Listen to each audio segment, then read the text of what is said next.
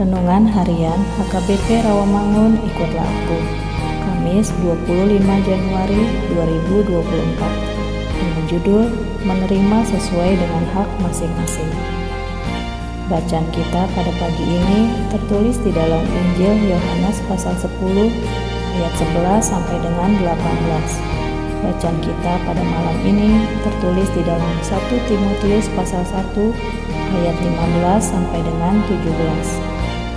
Dan kebenaran firman Tuhan yang menjadi ayat renungan kita hari ini tertulis di dalam Imamat pasal 25 ayat 14 yang berbunyi Apabila kamu menjual sesuatu kepada sesamamu atau membeli daripadanya, janganlah kamu merugikan satu sama lain.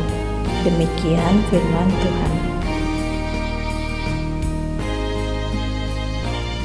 Sahabat, ikutlah aku yang dikasihi Tuhan Yesus. Firman Tuhan hari ini sungguh sangat sederhana mengajar kita bagaimana menjadi orang yang tidak merugikan orang lain.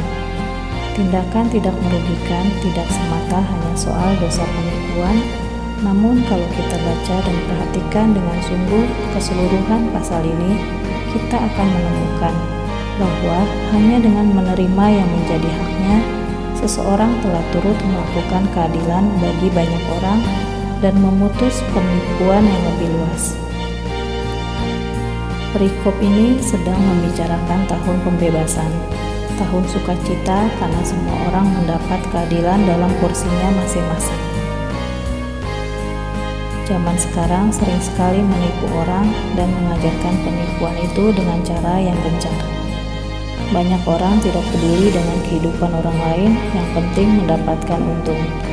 Bila perikop hari ini menyebut soal transaksi jual beli, bukankah dalam hidup kita yang lain juga terjadi transaksi-transaksi lainnya? Dengan tegas, firman Tuhan mengingatkan, jangan jadi penipu dan jangan merugikan orang lain. Ambillah apa yang menjadi hakmu dan berikan apa yang menjadi hak orang. Dengan itulah kebenaran dan keadilan dilakukan. Amin. Marilah kita berdoa. Tuhan Allah kami yang pengasih, biarlah kami boleh hidup berguna bagi banyak orang. Jika kami tidak dapat memberi, setidaknya janganlah kami mengambil hak orang lain. Di dalam Yesus kami memohon.